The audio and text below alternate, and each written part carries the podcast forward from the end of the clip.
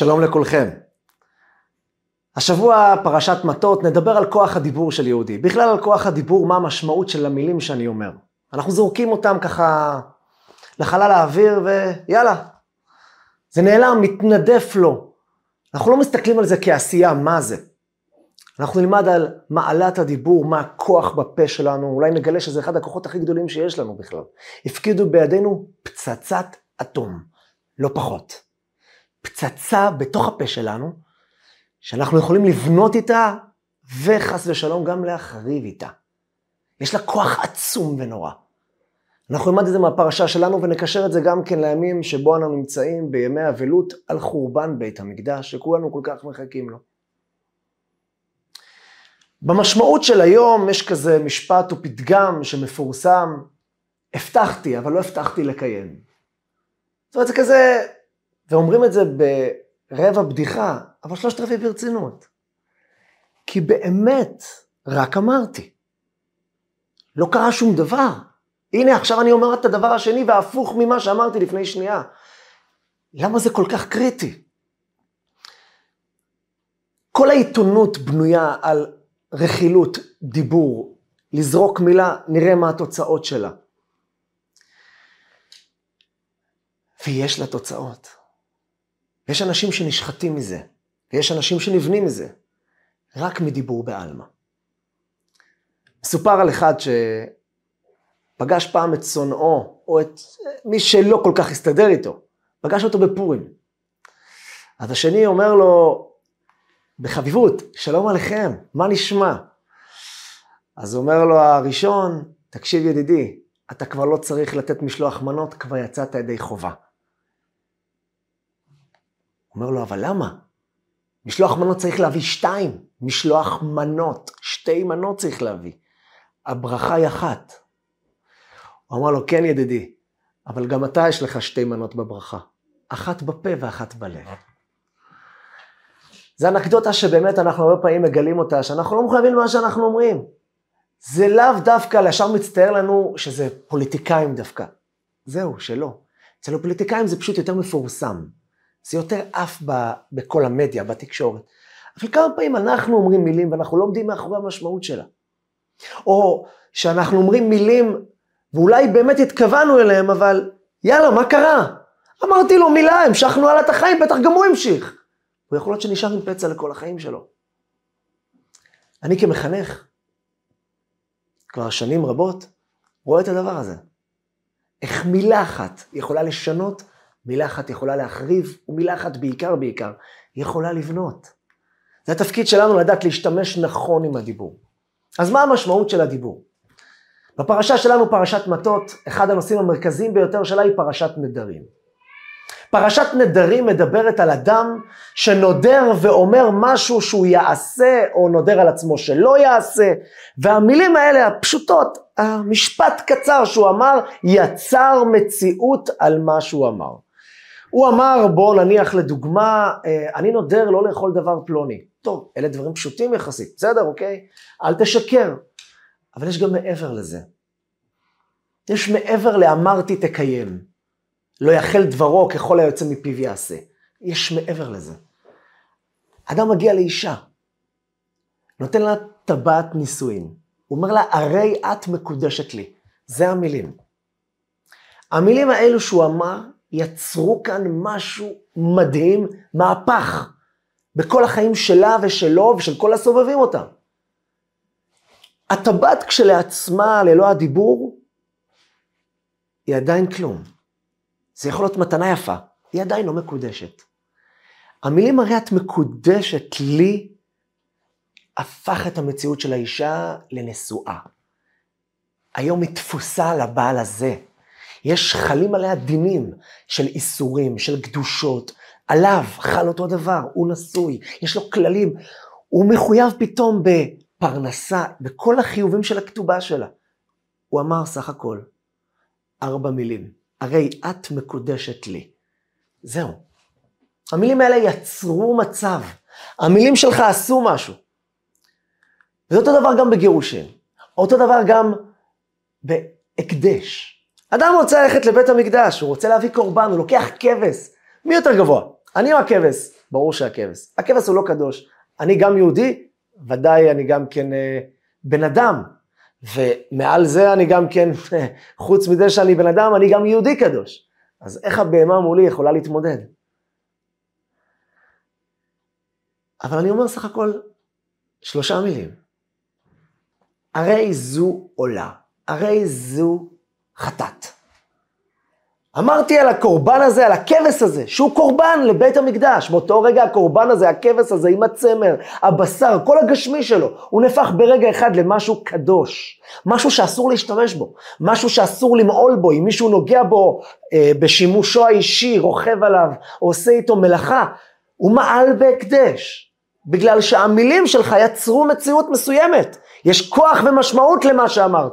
אמרת שזה קורבן, אז זה קורבן. אדם לוקח דבר שהוא אה, אור של בהמה, שאפילו לאכילה היא לא ראויה. אנחנו כשאוכלים את הבשר אנחנו זורקים אותה לפח, היא כביכול פסולת.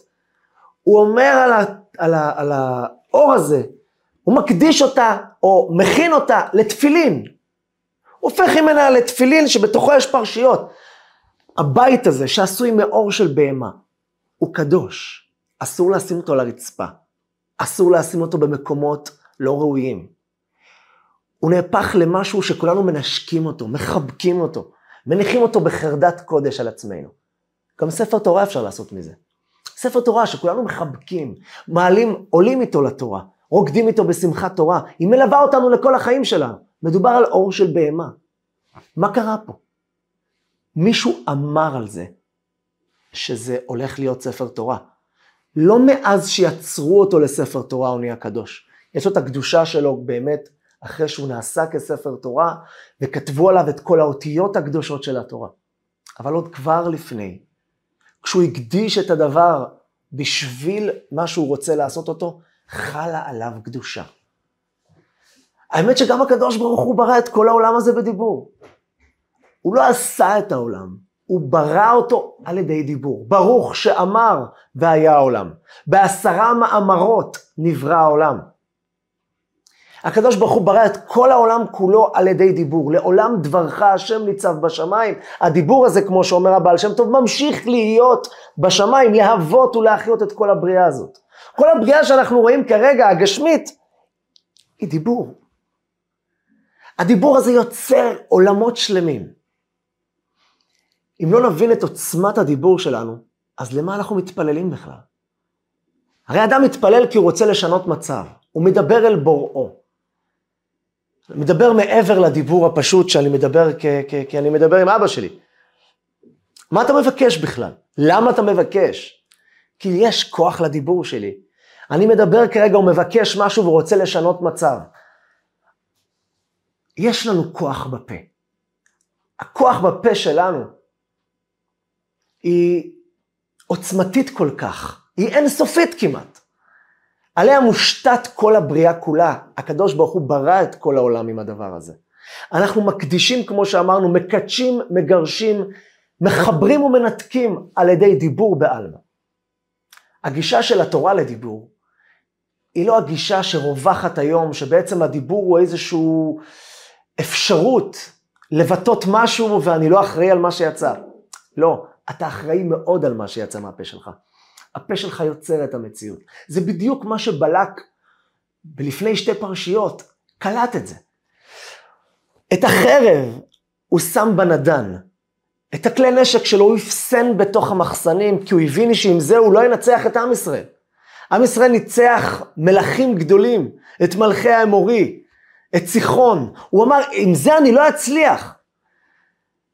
הוא הלך למשהו חזק יותר. הוא הלך למישהו שיש לו כוח בדיבור שלו, בלעם, היה לו כוח בפה. הוא אמר לו, לך תקלל אותם. תקלל את עם ישראל בדיבור. בגלל שבלק הבין שעל ידי הדיבור אפשר לנצח. הוא ידע גם שכוח של עם ישראל הוא בדיבור. הוא ידע שעם ישראל ניצח על ידי ותעל שבתם אל האלוהים. ביציאת מצרים הם ניצחו את כל הסיפור הזה של גלות מצרים על ידי הדיבור. הוא ידע שכשעם ישראל הגיע לקריאת ים סוף, על ידי הצעקה שמשה רבנו וכולם צעקו, והשירה שהם אמרו אחר כך, קרה את כל התהליכים. אז הוא אמר לעצמו, אם כך גם אני צריך לדעת את הכוח הזה. והוא לקח את בלק, את בלעם, בלק לקח את בלעם כדי שהוא יפתח את הפה וידבר על עם ישראל, ויקלל אותם. הנס היה שהקדוש ברוך הוא באותו זמן לא אשמה לבלעם. ולא אבה השם אלוקיך לשמוע אל בלעם, כי אהבך השם אלוקיך. ויהפוך השם לך את הברכה, את הקללה לברכה, כי אהבך השם אלוקיך. הקדוש ברוך הוא מעל הדיבור הזה. אבל אנחנו, אנחנו כאומה, כעם, כאנשים, כיהודים, אנחנו צריכים להבין שיש משמעות למילה שאמרנו, לא רק למשמעות של המילה הכתובה. כשאדם כותב משהו, הוא באמת מרגיש שהדבר הזה נשאר אחריו. זה מודפס, זה נשאר, אבל הדיבור הוא לא נשאר. בעיקר אם לא מקליטים אותך. כשמקליטים אותך, זוכרים לך, אומרים לך, הנה אמרת, הנה אמרת. אבל כש, למשל, כשלא הקליטו, באמת אנחנו מרגישים שאנחנו לא עושים כל כך משהו. מה אתה עושה? סך הכל אמרתי. אבל התורה מלמדת אותנו שהדיבור הזה, העוצמה שיש לך בפה, היא עוצמה אינסופית. היא יוצרת מציאויות. על ידי דיבור אדם יכול לברום מלאכים. כל מילה שאנחנו מדברים בקדושה יוצרת משהו. וכן להפך. פעם אחת רבי אהרון מקרלין, רבי אהרון מקרלין היה יהודי שחי לפני 200 שנה, היה תלמידו של המגידי מזריץ', שהיה תלמידו של הבעל שם טוב הקדוש. חיו בתקופה שלפני בערך כ-200 שנה פלוס. רבי אהרון מקרלין יום אחד נסע לרבו המגידי מזריץ'. הוא התאסף ליד קבוצה של אנשים שחיפשו נסיעה לאזור, ומצאו עגלון ועגלה והתיישבו יחד ונסעו לכיוון המגד עם עזריץ'. בדרך האנשים דיברו ביניהם לשון הרע. דיברו על פלוני, על אלמוני, על קהילה אלמונית, על עיירה פלמונית. ורבאון מקרלין לא, לא, לא, לא, לאן לברוח. האוזניים שלו היו מוכרחות לשמוע את הדיבורים, והוא לא רצה. אז הוא התערב בשיחה שלהם והסיט את השיחה לכיוון סוסים. איכשהו ככה עלה על גל, אמר להם, מה אתם אומרים על סוס פלוני, יש לי סוס כזה, בום, טראח, וכל השיחה נסובה על נושא סוסים. כשהגיעו למזריץ', ירדו כולם, והאנשים שהיו בעגלה קולטים שסביב רב אהרון מקרלין מתאספים הרבה אנשים. כי רב אהרון מקרלין הזה היה מפורסם בצדקותו, הוא היה תלמיד של המגד עם מזריץ', אבל הוא בעצמו היה יהודי נכבד בעמיו. אז הם הגיעו אליו, והתאספו סביבו. האלה שהיו בעגלה לא הבינו מה קורה פה. כל הדרך הוא דיבר איתם על סוסים, איך בדיוק? הם הגיעו אליו, אמרו לו, כבודו, יאמר לנו, אם אינכם כל כך חשובים, מדוע דיברתם על סוסים כל הדרך? הוא אמר להם, תראו, קלטתי שבהבל פיכם אתם הורגים אנשים. אמרתי, עדיף אם כך, שבהבל פיכם תהרגו סוסים. הם לא הסתכלו על זה ככה. הרי אם ניקח כל אחד מהם, זה אנשים יהודים, ירא שמיים הרבה פעמים. הם לא באמת רוצים להרוג מישהו. הם לא באמת חושבים שהם עושים משהו שראוי על שם זה להיקרא רצח. אבל התורה כן מתייחסת לזה ככה. התורה מתייחסת לשפיכות דמים גם על הלבנת פני חברו ברבים. היא מתייחסת לזה כשפיכות דמים כפשוטו, עד כדי שנוח לו לאדם שיפיל עצמו לכבשן האש, ואל ילבין פני, רב, פני חברו ברבים. ההתייחסות של המילה שלך, שנאמרה ודאי ליד אחרים, היא התייחסות כמו לרצח. אבל אנחנו לא מאמינים בדיבור שלנו. אנחנו לא מאמינים בכוח שלנו לשנות את עצמנו על ידי דיבור, לשנות את הזולת על ידי דיבור. יש פירוש נפלא, נפלא מתוק מדבש. של החידושי ערים. החידושי ערים היה רבי יצחק מאיר מגור, חי לפני כ-170 שנה בערך. היה תלמידו של הרבי מקוצק, שהיה תלמידו של החוזה מלובלין. והחידושי ערים אומר משהו נפלא מאוד. הוא מחבר בין משהו מסוים שהיה עם משה רבנו, שקצת פלא. הקדוש ברוך הוא אומר למשה רבנו, אנחנו נראה את זה בעוד כמה פרשיות, על הסיפור שקרה עם משה רבנו, שהקדוש ברוך הוא, חזרה על הסיפור הזה, כן? בחומש דברים, שהקדוש ברוך הוא אמר למשה רבנו לדבר אל הסלע ולהוציא מזה מים. כי עם ישראל לא היה לו מים במדבר. ומרים נפטרה ולא היה באר. אז חיפשו מים ופנו למשה, אמרו לו, אין לנו מים, אנחנו הולכים למות מצמא. הקדוש ברוך הוא אמר למשה, תקשיב, יש פה סלע, דבר אל הסלע ואל תדאג, ונתן מימיו, יהיה פה מים. משה רבנו הולך ומכה בסלע. הוא לא מדבר. ולכן זה לקח לו פעמיים. בפעם הראשונה בקושי יצא, בפעם השנייה יצא מים. והקדוש ברוך הוא העניש את משה רבינו כפשוטו של מקרא, כמו שאנחנו קוראים, יענו האמנתם בי להקדישני לעיני ישראל, אז אתם לא תכניסו את עם ישראל לארץ. בגלל שלא דיברתם לסלע. אם הייתם מדברים לסלע, היה פה קידוש השם הרבה יותר גדול. שעל ידי דיבור בעלמא יוצא מפה מים. ומשה רבינו היכה במקום לדבר. השאלה היא פשוטה, איך יכול להיות? משה רבינו, אדון הנביאים, אנחנו יודעים שכל מה שהוא עשה היה תואם במדויק את הכוונה העליונה של בורא עולם. איך יכול להיות שהקדוש ברוך הוא אומר לך לדבר? מה קרה שהוא היכה? איך הסתדר פתאום הדבר הזה? למה הוא היכה בסלע במקום לדבר? הרבו במפרשים על זה. אומר החידושי הרים דבר מתוק מדבש. אומר החידושי הרים, יש שיטה של הרמב"ן. הרמב"ן רבי משה בן נחמן חי לפני כ-800 שנה. הרמב"ן כותב שהסיבה שמשה רבנו לא נכנס לארץ היא לא בגלל שהוא היכה ולא דיבר, אלא בגלל שהוא, כשהוא אסף את עם ישראל אחרי שהם התלוננו שאין להם מים, משה רבנו קרא לכולם בשפה שאומרת כך, שמעו נא המורים, המן הסלע הזה נוציא לכם מים. מה זה שמעו נא המורים? אומר רש"י על המקום, לכל מפרשי המקרא. שמעו נא סרבנים. משה רבנו כבר שומע את עם ישראל מתלונן פעם על הבשר, פעם על השתייה, פעם על המן.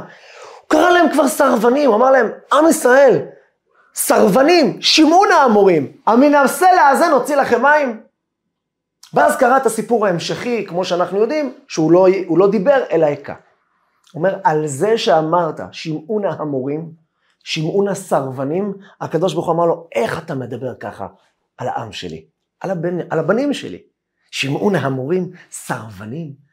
עם ישראל, לא משנה מה הוא עשה, סרבן הוא לא. אומר החידושי הערים, וכן רב לוי יצחק כברדיצ'וב. לוי יצחק כברדיצ'וב היה גם כן יהודי, תלמיד של המגיד מזריץ, יהודי קדוש שחי לפני למעלה מ-200 שנה. וכך הם אומרים. משה רבנו, כשהוא שמע, כשהוא, אמ- שהקדוש ברוך הוא אומר לו, אמרת סרבנים לעם ישראל, אתה לא נכנס לארץ ישראל. משה רבנו, בגלל הדבר הזה, היכה בסלע ולא דיבר לסלע. מה הקשר? הקדוש ברוך הוא אמר למשה לדבר לסלע. אבל בגלל שמשה רבנו ידע את כוח הדיבור שלו, שהוא מסוגל להוציא סלע, מים מהסלע, כי הקדוש ברוך הוא אמר לו, אבל רגע אחרי זה הוא אמר שימון האמורים, שימון הסרבנים, חשב לעצמו משה, הפה הזה, הפה הקדוש הזה, אמר לעם ישראל עכשיו שימון האמורים, שימון הסרבנים. ככה, שימון הסרבנים? אתה לא נכנס לארץ. אמר משה, מה? אם ככה הפה שלי בטח כבר לא יצליח להוציא את המים מהסלע.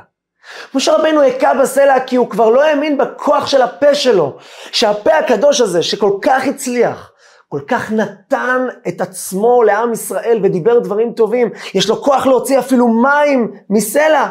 הוא אומר עכשיו אחרי שאמרתי שימון האמורים, בטח אין לי את הכוח הזה. אומר החידושי הרי, אומר, אומר רבי יצחק ברדיצ'וב, אופס, אומר הקדוש ברוך הוא, אחרי שהוא היכה ולא דיבר, יען אשר לא האמנתם בי להקדישני לעיני כל ישראל, לא תכניסו את העם הזה לארץ. למה? בגלל שעכשיו עם ישראל חושב לעצמו שאם יהודי חס ושלום אמר איזושהי מילה או פגם בפה שלו, אין לו תקנה לפה שלו. אבל זה לא נכון. יהודי יש לו כוח בפה שלו נצחי ולתמיד. יהודי לא משנה מה הוא עשה, איפה הוא נמצא, יש לו כל רגע נתון את הקשר האישי הזה, שהוא ברגע אחד צועק לבורא עולם והוא יוצא מכל מצב שהוא. משה רבנו חשב שכשהוא פגם בפה שלו, כן, אני מדבר על פי פשוטו של מקרא, אנחנו לא מבינים בכלל מה היה, אבל מצד הפשוטו של מקרא, שהוא ישב ודיבר בפה, והוא הרגיש שיותר הוא כבר לא יכול לשנות משהו עם הפה שלו. אומר הקדוש ברוך הוא, יען לא האמנתי בי להקדישני. דע לך שעכשיו יהודי יכול לבוא ולטעות, ולחשוב שלפה שלו, לפה שלו יש גבול בכוחות שלו. בטח אם הוא אמר איזה מילה לא טובה, נגמר. זה נכון, המילה הלא טובה שלך פעלה משהו, אבל עדיין הפה שלך יכול לתקן את זה. הפה שאסר הוא הפה שהתיר. הפה שלפני רגע הוציא משהו לא טוב, ברגע זה יכול לתקן את הכל בבת אחת על ידי דיבור אחד. משה רבינו, התביעה עליו הייתה, עוד הפעם, אני חייב להדגיש את זה, רק כלפי משה, מה שאנחנו מנסים להסביר לעצמנו, לא כלפי משה משה. הכוח של הדיבור שלנו הוא אינסופי. הכוח שאנחנו אומרים בפה שאנחנו אומרים מילה, אנחנו צריכים להתכוונן אליה. להבין שאמרנו, עשינו משהו. רבי יוסף שלמה כהנמן, רבי יוסף שלמה כהנמן חי לפני כ-60 שנה. הוא בנה הרבה הרבה מוסדות. הקים הרבה מעולה של הישיבות שעל אחרי השואה. אז רבי יוסף שלמה כהנמן, שבנה גם כן את ישיבת פונוביץ', השתתף גם בבניית אה, אור החיים, סמינר אור החיים בבני ברק, את אה, בתי אבות, את מה של אה, בני נוער ונערים שאיבדו את המשפחה שלהם בשואה, ועוד הרבה הרבה פרויקטים שהוא לקח על עצמו כדי לנסות להקים מעפר את מה שנחרב בשואה. ורבי יוסף שלמה כהנמן פעם אחת התארח בחוץ לארץ, באיזושהי קהילה, ואחד העשירים הגדולים ביותר שתמך בו גם כן הרבה, הזמין אותו לסעודת ליל ראש השנה. ורבי יוסף שלמה כהנמן לא כל כך יכל לסמוך על אותו יהודי, שהיה יהודי חרדי, אבל לסטנדרטים של רבי יוסף שלמה כהנמן, הוא לא כל כך יכל להסתדר מבחינת האכילה. הוא לא ידע מה לעשות. ואז הוא אמר לעשיר הזה, תראה, ידידי, אני אוהב אותך. פשוט אני נוהג לאכול את סעודת ליל ראש השנה לבד. ככה המנהג שלי. פשוט לעצמי ככה. אמר לו, הרב, סליחה, סליחה, אם זה המנהג של הרב, אני לא, ודאי לא אפריע, הכל בסדר. ורבי זו שלמה כהנמן אכל לבד, אכל לעצמו. מאז עד סוף ימיו, רבי זו שלמה כהנמן, גם כשהוא היה בביתו, הוא אכל לבד סעודת ליל ראש השנה. מה זאת אומרת לבד? היה עם משפחתו כמובן, אבל עם שולחן קצת בצד, לבד. היה לו הסבר מצוין למה הוא אמר את זה. הוא רצה לא לבייש מישהו. וכמובן שאם זה היה על חשבון אשתו ופגיעה באשתו, מן הסתם גם זה לא היה מותר לו לעשות את זה. זה היה בתיאום איתה. אבל בסוף שלמה כהנמן, היה חשוב לו המילה שהוא הוציא מהפה שלו. אבל אמרתי. כן, אז מה? אבל זה היה עם סיבה. אבל אמרת. האמירה שלך פעלה משהו. היא עשתה משהו בעולם. האמירה הזאת היא לא יכולה להיות ככה. האמירה הזאת לא נזרקה לחלל והולכת אחורה. היא נזרקה והיא נשארת שם. היא ברתה משהו, היא יצרה משהו. אנחנו צריכים להבין שיש לה משמעות. ועד סוף החיים שלו היה ככה. לא זוכר מי, אבל אחד הצדיקים, יום אחד ראו אותו בגיל 80 מניח תפילין רבינו תם. יש תפילין שנקרא תפילין רש"י, שזה התפילין שכולם מניחים. יש עוד תפילין שהמון המון מניחים, שנקרא תפילין רבינו תם. זה שיטת רבינו תם בצורת ההנחת של הפרשיות בתוך הבתים, והרבינו תם זה שיטה שהרבה מקיימים אותה, ולפי שיטת הקבלה היא גם חובה. זה לא רק מחלוקת בין רש"י לרבינו תם, אלא זה שתיהם אמת. על כל פנים, אותו יהודי לא הניח רבינו תם. כשהוא היה צעיר, אבל כבר היה צדיק מפורסם, יחסית, בוא נגיד באזור גיל 50 פלוס, אמר לו אחד, כבוד הרב, למה אתה לא מניח רבנו תם? הרב דחה אותו. אבל אותו אחד הגיע עוד פעם לרב, אמר לו, הרב, רבנו תם זה חלק מהפוסקים, זה ממש, אז למה אתה לא מניח רבנו תם? הוא רצה לדחות אותו, והוא אמר לו, כשאני אגיע לגיל 80 נדבר. נדבר כשאני אגיע לגיל 80 אני אניח רבנו תם. ככה הוא אמר. כשנגיע לגיל 80 אני אניח רבנו תם, בסדר? טוב, אתה יודע, חייך ככה מהזה, נו, גיל 80, זה עוד עשרות שנים. והלך. אבל הרב הזה לא, זכ... לא שכח את המשפט הזה. ובגיל 80, הוא התחיל להניח תפילין רבינו תם, ביום הולדת שלו. בגלל ש-20-30 שנה לפני, הוא הוציא מהפה שלו, שכשאני אגיע לגיל 80 אני אניח תפילין. יש משמעות למה שאמרתי. היא יצרה משהו. יש לה משמעות, ואנחנו הרבה פעמים לא נוטים כל כך לייחס משמעות למה שאמרנו. אני לא מדבר רק מצד שקר. טוב, אמרת משהו, אל תשקר. לא, לא, הנושא פה זה לא רק שקר. מעבר לשקר, מה אמרת יצר משהו. מה שהתבטאת, יש לה משמעות מעבר למילה אמת ולא אמת. יש לה משמעות פנימית ועמוקה. היא יצרה מציאות בעולם הפנימי שלך ובעולם של הבריאה כולה. אני מחנך כיתה. וכמחנך כיתה אני רואה את זה המון המון פעמים, את הדבר הזה. הדבר הזה פשוט לא יאומן כי יסופר, כמה בדיבור אחד משתנה דברים, משתנה ילדים, משתנים אנשים. יש לי אין ספור דוגמאות לזה. ואני אומר שזה אפשר לקחת את זה כל אחד למקום שלו, אתם יכולים לקחת את זה למקום שלכם. אני כמחנך כיתה מספר לכם את ה... איך שאני חווה את הדברים ביום-יום. אבל זה יכול להיות גם עם האישה, עם הילדים שלנו בבית, עם השכן, עם ההוא בבית הכנסת שיושב לידי. המילים האלה, שאנחנו אומרים ולפעמים לא כל כך חושבים עליהם, או לפעמים כן חושבים עליהם, יוצרים משהו. הנה אנקדוטה קטנה, ממש קטנה, אבל אני זוכר אותה כל כך חזק.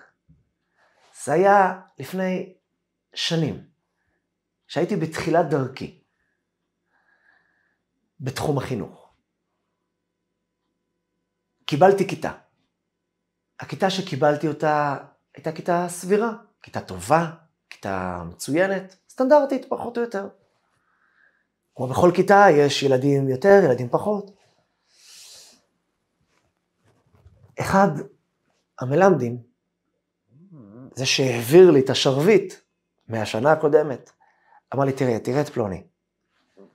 פלוני, סיפור לא קל.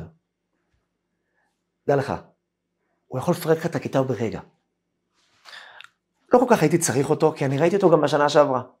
פחות או יותר כל הפסקה, אם יש בלאגן, אני יודע שהוא נמצא בסביבה. ואם יש שקט, סימן שהוא פשוט לא הגיע. ובאמת, הוא היה ילד מאוד מאוד אה, חד, מהיר חמה, בוא נקרא לזה. הוא באמת היה מאוד מאוד כעסן. כל דבר קטן היה מוציא אותו מדעתו. אבל מה זה מוציא אותו מדעתו? סליחה, אבל שולחנות היו עפים באוויר. כיסאות בעיקר. והיה מאוד קשה להצליח לשנות אותו. הוא היה ילד מצוין מצד הראש שלו, ילד טוב מצד הרצון שלו. לא ילד חס ושלום שמקלקל או משהו בסגנון, ממש ממש לא. ילד בבסיס מצוין. היה לו מידת כעס שמתי שהיו מוציאים אותו, הוא פשוט היה נהיה אדום. לא שולט. וטראח! הוא הגיע אליי. אני לא מייחס את זה לכוחות שלי, שום כוח. לכוח המילה שלי, כן, חד משמעי. הפעם הראשונה שבה אני רואה את ההתפרצות שלו. אבל שנייה לפני. ברגע ההתפרצות, לא יודע אם הייתי מצליח לעשות משהו. קצת לפני, אני קולט שמישהו מחמם אותו. ממש בתחילת השנה. הוא התחיל נפלא, הילד הזה. ואני קולט שמשהו מבעבע בו. ואני קולט שבעוד רגע, לבה עפה פה בתוך הכיתה. אני עוצר את הכל, לוקח אותו רגע הצידה. בוא נקרא לו לצורך העניין שלמה. לא קראו לו שלמה. שלמה, תקשיב לי יקירי, אני רואה, אני רואה מה הוא עשה לך, אני רואה שאתה אש. תקשיב, אני סומך עליך. אני יוצא מכאן. אני פשוט צריך שנייה ללכת למזכירות רגע. אני פשוט ראיתי שאתה ככה, אני פשוט רציתי להגיד לך שאני כל כך אוהב אותך. ואני פשוט רציתי להגיד לך שאני סומך עליך, אני יכול לצאת מפה, אני אפילו לא, לא מתכנן לטפל פה. אני יודע שכשאני אצא מפה, אני אחזור לכיתה רגועה, כי יש לך כוח עצום. אני למדתי להכיר אותך, באמת, הרבה שנים. לא היה לי תלמיד כמוך. אמנם לא הרבה שנים אני בחינוך, אבל כמה שנים שאני פה, אני יודע. אתה, יש לך את זה. ויצאתי. נתתי לו את הכדור ביד שלו. האמת, פחדתי. אמרתי, לאן אני חוזר? אין לי מושג. אני חוזר לכיתה, דממת אלחוט. כלום.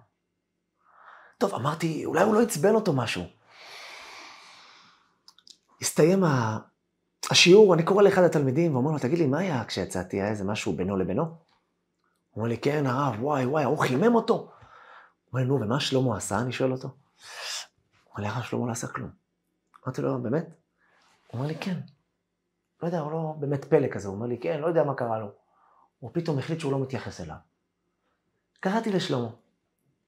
חיבקתי אותו. אמרתי לו, שלמה, וואו, אני בהלם ממך. אני ידעתי שאני יכול לסמוך עליך, אבל אני בהלם מהעוצמות שהפגנת. זה משהו באמת קשה. איך הצלחת? תספר לי. הוא אומר לי, הרב, אני לא יודע. אבל לא יודע, לא יודע, אמרת לי שזה, לא יודע, לא יודע, שתה כזה. פתחתי לו את הארון של הממתקים, נתתי לו ממתקים. לקחתי אותו כפרויקט. והייתי עובד איתו על מידת הכעס. נתנו לעצמנו כל מיני טיקים וניסיונות למבחן. ודיברנו גם על העוצמות של הכעס, כמה היא יכולה להגיע לחורבן, וכמה, איך הרוגע והשלווה יכולים לתת לנו את המנוחה שאותה אנחנו רוצים ולהצליח להתקדם. טכנית פשוט, דיברנו לא, לא דברים גבוהים. אבל בעיקר, בעיקר, שמחתי עליו. ובעיקר, בעיקר, האמנתי בכוח שלו ונתתי לו מילים מעודדות. באמת, לא יותר. שום דבר, שום הוקוס פוקוס, לא טריקים ולא שטיקים. זהו. רק אמונה על ידי דיבור בלבד, שעודדתי אותו, ונתתי לו את הכוח לעמוד. הוא גם נפל הרבה פעמים, שלא תחשבו, ולא קצת. והוא נפל במקרים מאוד חמורים. היה מקרים גם שהייתי צריך לטפל בו באופן קצת קשוח יותר. אבל לאט לאט קרה משהו בילד הזה. יום אחד אני פוגש את אבא שלו. אבא שלו מגיע אליי, הוא הגיע לתלמוד תורה לצורך אחר, הוא פוגש אותי והוא רואה אותי, וואו, הרב אטיאס! הוא מגיע אליי ומחבק אותי. הוא אומר לי עם דמעות בעיניים, הפכת לי את הילד. אני עוד לא הבנתי למה. אמרתי לו, מה קרה? קרה משהו? הוא אומר לי, תקשיב מה קרה השבת. הוא אומר לי, תקשיב, אני קיבלתי ילד חדש הביתה. הוא מספר לי, השבת הזאת, אנחנו יושבים בשולחן שבת. זה נורמלית.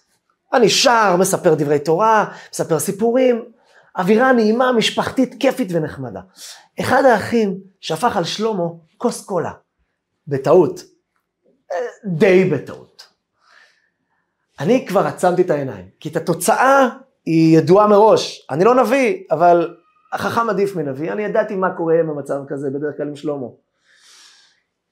אני נושם עמוק, מצפה עכשיו לבלגן שהולך לקרות. שלמה עכשיו תופס, אני לא יודע מה, אולי כנגד עשרת הדיברות, אתה הבאת אחד, אני כנגד זה את כל התשע. סלטים יעופו פה, טחינה, חצילים, שתייה מתוקה, כיסאות, וואו. בעיני רוחי אני קולט את הבלגן שאני לא מצליח לצאת ממנו. ואני רואה שזה מתחיל בדיוק כמו התוכנית שדמיינתי. שלמה נהיה אדום. שלמה רתח מזעם על החליפה שלו, על החולצה שלו, והאח הקטן מגחך ובורח לשלמה. זה מתכון לעצבן את מי שעשו לו את מה שעשו לו. ואני קולט את שלמה, קם מהמקום, ואני כבר מתכנן לקום ולראות מה אני עושה פה עכשיו. זה שבת שלמה של מריבות עכשיו בגלל דבר כזה. אני קולט אותו רץ לחדר שלו. הוא רץ לחדר וסוגר את הדלת אחריו. אני רץ אחריו, מספר לי האבא. אני רץ אחריו. אני אומר, וואי, מה הוא עושה שם? מה הוא מכין לעצמו שם? מה הוא עושה? אני רץ לראות שלא יזיק לעצמו, שלא יזיק לאחרים, אני לא יודע, אני יודע שהוא לא שולט על עצמו כשהוא כועס. אני נעמד מאחורי הדלת, ואני קולט ששלמה הבן שלי נעמד גם הוא מאחורי הדלת. מהצד השני, מהצד הסגור, הבפנים. אני הייתי בחוץ. ואני שומע את הילד שלי בוכה מרוב זעם. הוא כועס, אבל הוא מדבר עם השם. הוא אומר לו, הקדוש ברוך הוא ריבונו של עולם. אני לא יכול. אני, אני, אני ממש עצבני עכשיו. אבל הרב אטיאס לימד אותי שאסור לכעוס, שזה עושה לך לא כיף שאני כועס. ועכשיו הבאת לי את הדבר הכי קשה, של כעס. תעזור לי, אני יודע שאני יכול, הצלחתי הרבה פעמים להתאפק. הצלחתי, בתקופה האחרונה אני מרגיש שאני יכול, ועכשיו אני מרגיש שאני מתפרק. תעזור לי לעמוד בכעס הזה. וככה הוא בכה, הוא אומר כמה דקות. אבא מספר לי, אני הייתי בשוק, הייתי בהלם. מה? מי עשה לו את זה? מה זה? בחיים לא ראיתי תגובה כזאת מהילד הזה. אחרי כמה דקות הוא יצא החוצה, נכנס רגע לאמבטיה, שטף פנים, יצא עם רבע חיוך אמנם, אבל מילה הוא לא עשה. מילה הוא לא אמר. שום מעשה הוא לא עשה, עד סוף השבת. המריבה הסתיימה באותו רגע. הוא מחבק אותי ואומר לי, קיבלתי ילד חדש. מה עשית? מה עשית? אמרתי לו, אני אגיד לך משהו, אני אגיד לך את האמת. כלום. זאת אומרת, מה שבעולם נקרא כלום. רק דיברתי. סך הכל האמנתי בו. סך הכל חיבקתי אותו ואמרתי לו מילים טובות. זהו. נתתי לו כוח בדיבור שלי, שהוא מסוגל ויכול. היום הילד הזה לומד כבר בישיבה. הוא אחד הפארות שבישיבה. ישיבה גדולה. העוצמות של הכעס שלו נותבו למקומות אחרים, לעוצמות של הלימוד שלו. הוא משנה. אני אמרתי תמיד לאבא שלו, העוצמות האלה יום אחד יבואו, הוא יעשה מהפכות. הוא ילד שהוא בחור היום, בחור ישיבה גדולה, שמשנה היום הרבה בישיבה שלו. גארי, גאים בו. הוא אחד הפארות הגדולים שיש להם. סך הכל דיבור. דוגמאות כאלה למכביר. גם השנה הזאת, שנים עברו, כל הזמן אני חווה את זה. עם מילה אחת, שתי מילים, לטפטף אותם. בסוף קורה משהו, אנשים משתנים על ידי הדיבור הזה. וכן להפך, חס ושלום.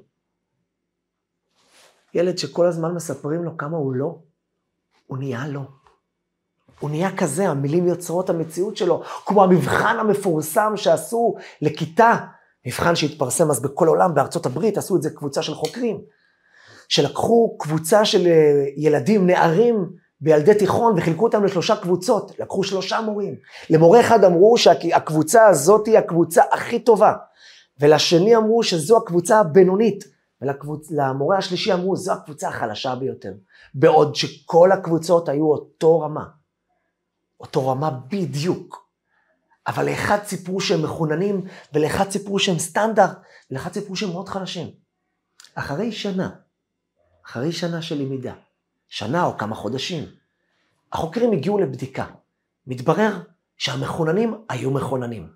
הבינונים היו בינונים. והחלשים היו חלשים. כי ככה המורה התייחס אליהם.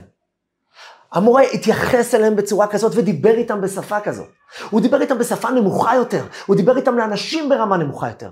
האלה של המחוננים, המורה דיבר איתם כמחוננים, האמין בהם כמחוננים ופרגן להם כמחוננים. אתה מחונן אתה, גאון אתה. והמילים האלה יצרו את המציאות הזאת, שאנשים סטנדרטים, תיכון, נורמליים, נהיו מחוננים. הבינונים נהיו בינונים רק, כי זה השפה שדיברו איתם. השפה, המילים שלנו יוצרות את המציאות של הסביבה שלנו, של הבית שלנו. האווירה, הנעימות, בכיתה, בעבודה, בשכנים, בבית הכנסת. סתם בבית קפה או במסעדה שאנחנו יוצאים יחד. המילים יוצרות את כל המעטפת, אבל היא יוצקת גם תוכן. היא לא רק מעטפת. היא משנה את המציאות של האדם, שלנו ושל כל הסביבה. אנחנו גם בשלושת השבועות. שלושת השבועות, הזמן של האבלות, על בית המקדש שהיה ואיננו, היה ונחרב. אבל הוא גם נחרב בגלל הדיבור. בית המקדש השני נחרב על שנאת חינם. דיברו אחד על השני. היו בעלי מחלוקות ולשון הרע. רבו אחד עם השני. עיקר הביטוי של שנאה הוא בדיבור. השנאה מתחילה מהלב, אבל היא מתבטאת בדיבור שלך, ודאי גם במעשים. אבל הדיבור יוצר שרשרת שלא נגמרת. משונא אחד נהיה מאה שונאים, כי אתה מדבר את זה הלאה, אתה מדברר את עצמך לאחרים. ובית המקדש נחרב על זה, על זה שלא הבנו את העוצמות שיש לנו בפה שלנו. את המילים של אהבה וחיבוק אחד לשני. את המילים של לעטוף, לאהוב, להגיד מילות של אהבה. אם עדיין לא נבנה בית המקדש, 1953 שנה אחרי, אנחנו עדיין באותו בעיה. אנחנו בבעיה שבפרשת מטות, פרשה שלנו, יש את הפתרון שלה. פרשת נדרים. הפרשה שמספרת מה הכוח של הדיבור שלנו. הפרשה שאומרת לך שיש לך משהו בדיבור שלך, שאתה יכול ליצור איתו וגם להחריב איתו. בית המקדש נחרב עם הדבר הזה. בואו נשנה אותו, יחד. אני, אתם, כולנו. נגיע עד כיסא הכבוד, עם הדיבור היפה שלנו. נבין את העוצמה שנתנו לנו בפה. את העוצמה שגם בלק ידע אותה. לצד השני. נדע אותה לצד החיוב. ומידה טובה מרובה ממידת פורענות. ויחיש וימהר הקדוש ברוך הוא לגאול אותנו מהגלות הארוכה והכל כך קשה. שאנחנו רואים עד היום איך הדיבור כל כך בלי שום מחשבה. אמרתי, הושפרץ הלאה. בואו נתבונן במה שאנחנו אומרים. בואו נתיישב לפני שאנחנו מדברים ודאי על מישהו. גם על עצמנו, גם על הסביבה הקרובה שלנו. ונבנה איתה עוד נדבך בבניין בית המקדש, שייבנה בזכות דיבורים של אהבה, בזכות אהבה אמיתית אחד לשני, שעיקר הביטוי שלה היא בדיבור. אז הגיע הזמן, בואו נדבר יחד אחד לשני. הנה אני הראשון, אני אוהב אתכם, עם ישראל. בהצלחה.